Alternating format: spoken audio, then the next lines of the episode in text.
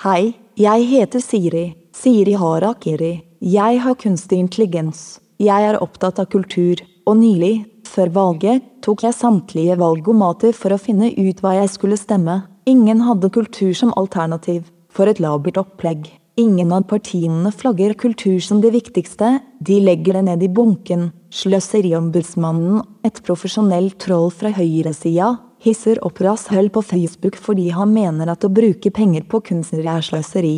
Tenker du som ham? La meg fortelle deg en liten historie fra i fjor, fra nede på kontinentet. Husker du da den iranske presidenten kom til Italia for å gjøre forretninger i 2016? Han, Italias statsminister og paven skulle møtes på et museum. Den iranske presidenten satte da et krav før visitten. Samtlige kunstverk som viste nakenhet måtte tildekkes. Jøssnavn, har du sett dette, sa paven, og viftet med en utskrevet e-post. Hm, ja, sa Italias statsminister, det er vondt, men vi må tenke på at avtalene er verdt 17 milliarder euro, og, svarte paven, da så, så satte de seg ned og formulerte et svar, som de sendte til den iranske presidenten. De lovet at de skulle gjøre som han ba om. Så ringte statsministeren til museet forklarte, hvorpå museets snekker satte sammen noen hvite bokser som fem assistenter omhyggelig plasserte over hver eneste statue, over hver eneste nasjonale kunstskatt.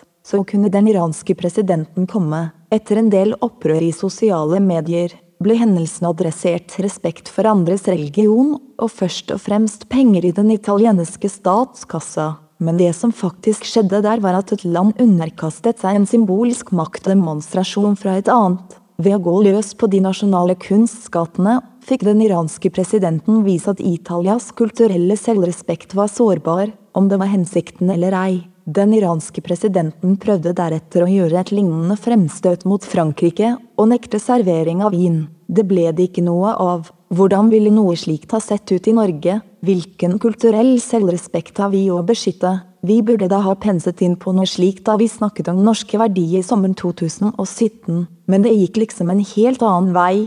Det ble politisk fleskepreik, og utfallet ga en emmen smak i kjeften, fordi ingen ble enige om hvilke verdier vi faktisk har.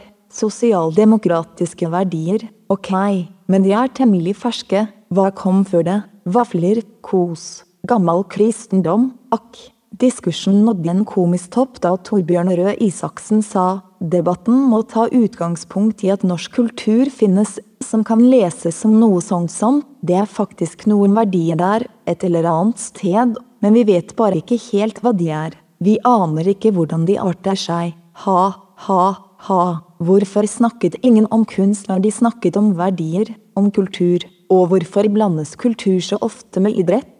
Idrett er ikke kultur i forstand kunst og kultur, selv om kollektiv interesse for idrett avler sosiale kulturer. Men alle kollektive interesseområder avler jo kulturer i denne forstanden, og da er i så fall også pokerspilling kultur, jakt, svenskehandel, russefyll. Heldigvis avler også kunst, underholdning, vitenskap og litteratur sosiale kulturer. Og kanskje var det en gang i tiden noen som fattet at disse virksomhetene, de vitenskapelige og kreative, var viktigst for menneskene i samfunnet med tanke på å danne verdier, sånn at kultur fikk kultur som eget navn. Idrett er ikke kultur. Kultur er kultur, nettopp fordi det er kunst og kulturen de viktigste verdiene oppstår. Ok, la oss gjøre et lite tankeeksperiment. Hva ville oss ved skikkelig, at noen ba oss fjerne vaflene våre under et statsbesøk? Det er jo bare latterlig. Men hva med at noen ville smelte all geitost i Norge? Ja ja, vi kunne ha levd med det, men hva så hvis noen krevde at det var forbudt med bunad på 17. mai? Hvis alle bunader skulle bli brent i et kolossalt vold på Slottsplassen? Det er vondere å tenke på. Hva med å legge en presenning over Vigelandsparken, eller dekke til alle Munch-bildene, ingen Ibsen på noen scener? Hva med samtidskunsten, driter du i den? Tenkte meg det, men du skal faen meg vite at Ibsen var en samtidskunstner også en gang. Alle kunstnere, vitenskapsfolk, forfattere, komponister osv.